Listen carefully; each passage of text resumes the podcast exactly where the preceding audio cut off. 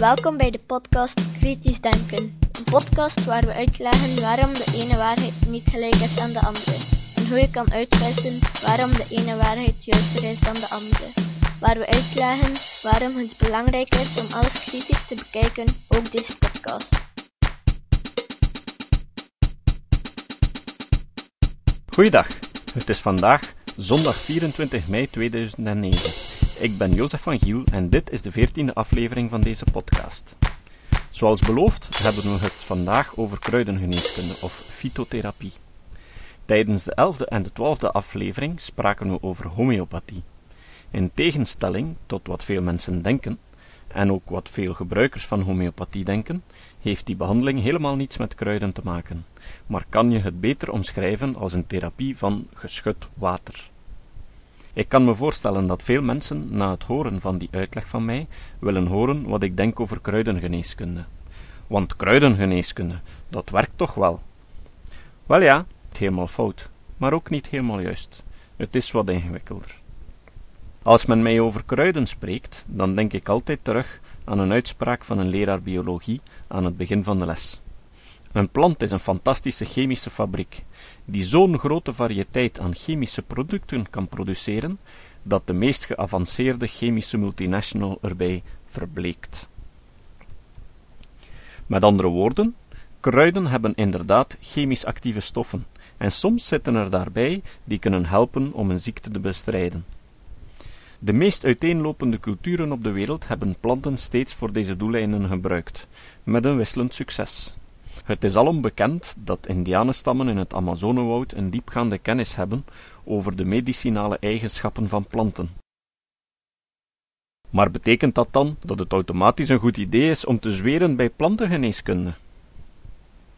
Wel, in de middeleeuwen, toen je niets beter had, en deze geneeswijzen soms toch effectiever waren dan het toen zo succesvolle aderlaten, was dit waarschijnlijk een goed idee, alhoewel men de resultaten toch niet mag overdrijven.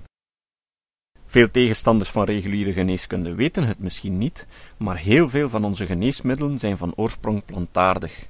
Zo wordt een extract van digitalis of vingerhoedskruid gebruikt voor het behandelen van hartritmestoornissen en werd een preparaat van de bast van de kinaboom gebruikt tegen malaria. Tegen de hoofdpijn kan je een aftreksel gebruiken van een wilg. Dat wisten de Assyriërs, de Egyptenaren en de Grieken al. Maar dat product heeft toch enkele nadelen. Daarom dat onderzoekers op zoek gegaan zijn naar de actieve stof in de wilg. Om het verhaal kort te maken, is op die manier het acetylsalicylzuur ontstaan, of aspirine, het product dat leidde tot de oprichting van de multinational Bayer. Problemen Een belangrijk nadeel van kruiden als geneesmiddel is dat je nooit precies weet hoeveel je ervan gebruikt. De reden daarvoor is dat de hoeveelheid actieve stof die in de plant aanwezig is, zeer sterk afhankelijk is van zeer veel factoren, zoals de grond waarin de plant groeide, hoeveel mest ze kreeg, hoeveel zon en hoe warm het was dat jaar, welke andere planten er rondstonden, enzovoort. In het geval van wijn is dat natuurlijk voordelig, omdat het urenlange gesprekstof geeft aan tafel over de terroir en over goede en slechte jaren en de nuances in de smaak. Maar als je wil genezen, wil je natuurlijk precies de juiste hoeveelheid nodig voor de genezing, maar ook niet te veel, om zoveel mogelijk neveneffecten te vermijden. De middeleeuwers wisten dat ook al, en daarom werden geneeskrachtige kruiden systematisch op dezelfde plaats in een binnenplein van een klooster gekweekt, en werden oogsten van verschillende plaatsen versneden en indien mogelijk ook van verschillende jaren. Een ander probleem met die planten is de uitspraak die ik eerder meldde: een fantastische chemische fabriek. Dat betekent dat er naast de werkzame stof mogelijk nog een hoop ongewenste stoffen in de plant zitten. Die kunnen natuurlijk voor een hoop nevenwerkingen zorgen.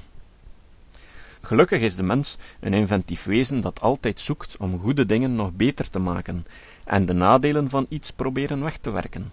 Daarom hebben we gezocht naar de actieve stoffen in geneeskrachtige kruiden, om die dan uit de plant af te zonderen.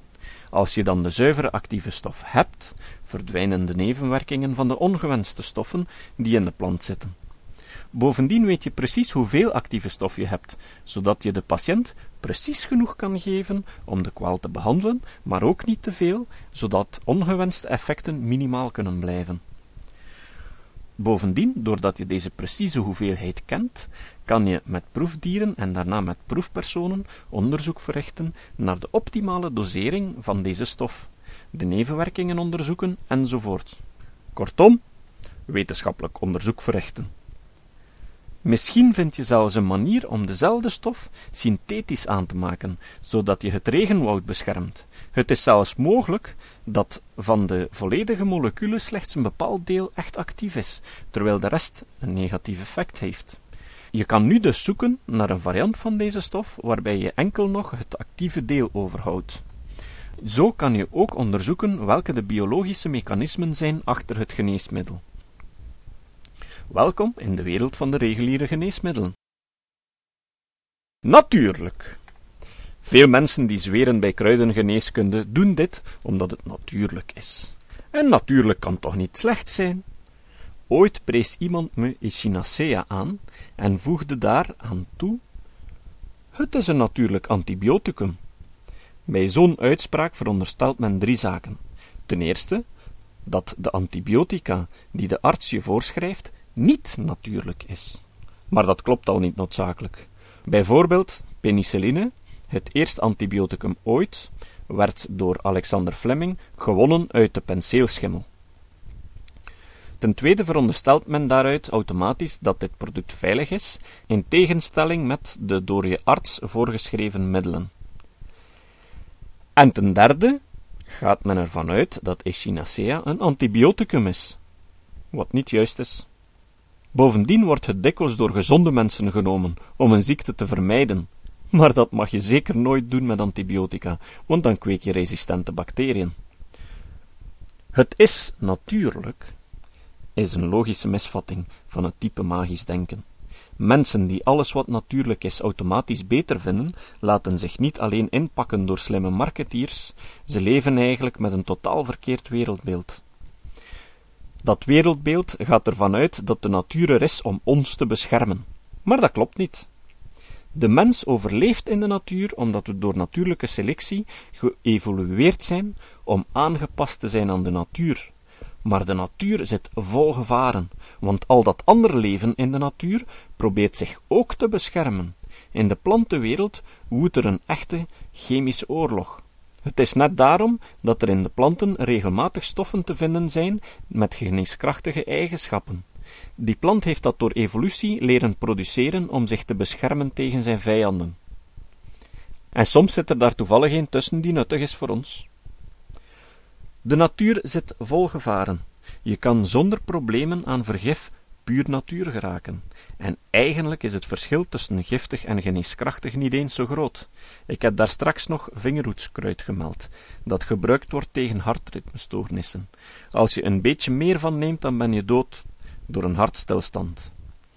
Dat is ook de bedoeling van de plant. Taxus is uiterst giftig, maar het wordt verzameld voor een kankerbehandeling. Het is dus duidelijk dat het gebruik van kruiden niet zonder gevaar is. Geneeskrachtige kruiden gebruiken zonder dat er een degelijk wetenschappelijk onderzoek op gebeurd is, zodat men een goed begrip heeft van de effecten, bijwerkingen en risico's, is gewoon roekeloos. Natuurlijk of onnatuurlijk, wat die twee begrippen ook mogen betekenen, zijn absoluut geen argumenten om te veronderstellen dat iets goed of slecht is. Natuurlijke dingen zijn niet beter of slechter dan onnatuurlijke dingen. Alhoewel, onnatuurlijke dingen zijn dingen die door de mens gemaakt of aangepast zijn. Die hebben dus op het gebied van goed of slecht eigenlijk wel iets voor op natuurlijke dingen, omdat mensen onnatuurlijke dingen maken voor hun eigen voordeel, terwijl natuurlijke dingen daar gewoon zijn omdat ze daar zijn. Bovendien proberen levende, natuurlijke dingen voor zichzelf te zorgen, en niet voor de mensen. Volgens Spinoza bestaan er eigenlijk geen goede of slechte dingen. Het is de context die ervoor zorgt of iets goed of slecht is. En de mens is zo intelligent om dingen naar zijn hand te zetten en dus goed te maken. Om dus te weten welke middelen de beste zijn, kan je maar één ding doen: rekenen op het menselijk vernuft, kritisch denken, wetenschappelijk onderzoek doen en op een onbevooroordeelde manier middelen testen en onderzoeken op hun werkzaamheid. Zonder in rekening te nemen of het natuurlijk is of niet, of welk ander vooroordeel dan ook, gewoon onderzoeken. Misschien zelfs zonder dat de onderzoeker weet welke dingen hij precies onderzoekt, ten einde ook elk vooroordeel te vermijden. Daarover heb ik het nog in een aparte aflevering over geblindeerde testen. Besluit. Zitten er werkzame stoffen in kruiden? Ja. Is het daarom een goed idee om je genezing op kruiden te baseren? Nee. Er is natuurlijk geen enkel probleem dat je groene thee of muntthee drinkt met honing als je een verkoudheid hebt, al was het maar omdat het lekker smaakt. Het is belangrijk dat we elk product onderzoeken op zijn werking en pas dan besluiten wat we ermee doen. Veel aanhangers van natuurlijke geneesmiddelen zoals kruiden argumenteren dat reguliere geneesmiddelen gevaarlijk zijn omdat ze zoveel bijwerkingen hebben. En dat klopt. Maar van daaruit maken ze de logische misvatting van de valse dichotomie door te besluiten dat natuurlijke kruiden dat probleem niet hebben. Het is niet omdat de ene oplossing niet perfect is, dat de alternatieve oplossing het wel is. Ik denk dat het duidelijk is dat als je de redenen onderzoekt waarom de mens van de kruiden naar de reguliere geneesmiddelen overgestapt is, dit eerder het tegenovergestelde laat vermoeden. Het probleem met kruiden is niet dat ze geen nevenwerkingen hebben, maar wel dat we die nevenwerkingen dikwijls niet kennen, omdat ze ofwel niet onderzocht zijn, of zelfs moeilijk te onderzoeken zijn. Maar in feite bestaan er veel meer onderzoeken over kruiden dan veel mensen denken. En er zijn er enkele zeer populaire, waarvan we meer weten dan men denkt. In de volgende aflevering ga ik dieper ingaan op enkele populaire kruiden en eens nagaan wat het wetenschappelijk onderzoek erover zegt. Citaat. Het citaat van vandaag komt van Christopher Hitchens. Hitchens is een Britse journalist, literatuurcriticus en auteur.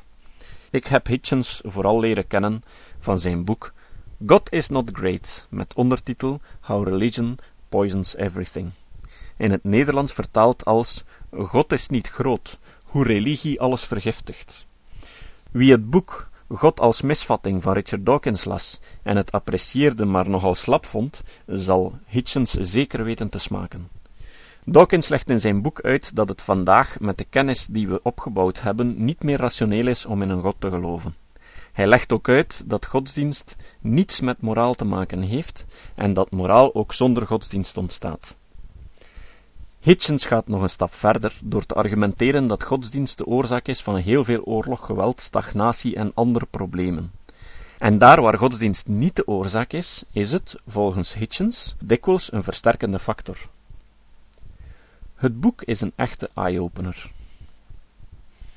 In het citaat dat ik aanbreng refereert Hitchens natuurlijk naar het geloof in God. Maar het geldt natuurlijk ook voor alle pseudowetenschappen.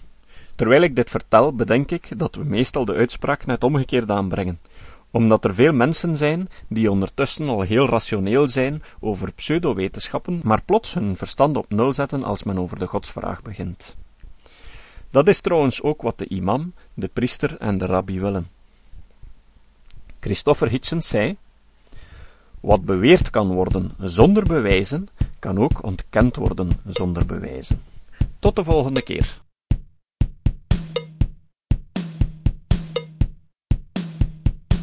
Dit was de podcast Kritisch Denken. Vergeet niet om alles kritisch te behandelen, ook deze podcast. Voor verdere informatie over deze podcast, links en voor de tekst, surf naar www.kritischdenken.info. Als je deze podcast belangrijk vindt, dan kan je me steunen door andere mensen warm te maken ook eens te luisteren. Stuur een e-mail naar je vrienden met een link naar mijn website of plaats de link in de handtekening van je e-mails kan me ook steunen door op iTunes deze podcast een goede beoordeling te geven of een recensie te schrijven. Of je kan op je eigen website of blog een link naar mijn website plaatsen. Hoe meer links, hoe sneller je gevonden wordt op Google. Dat kan beloond worden door een link naar jouw website bij mij.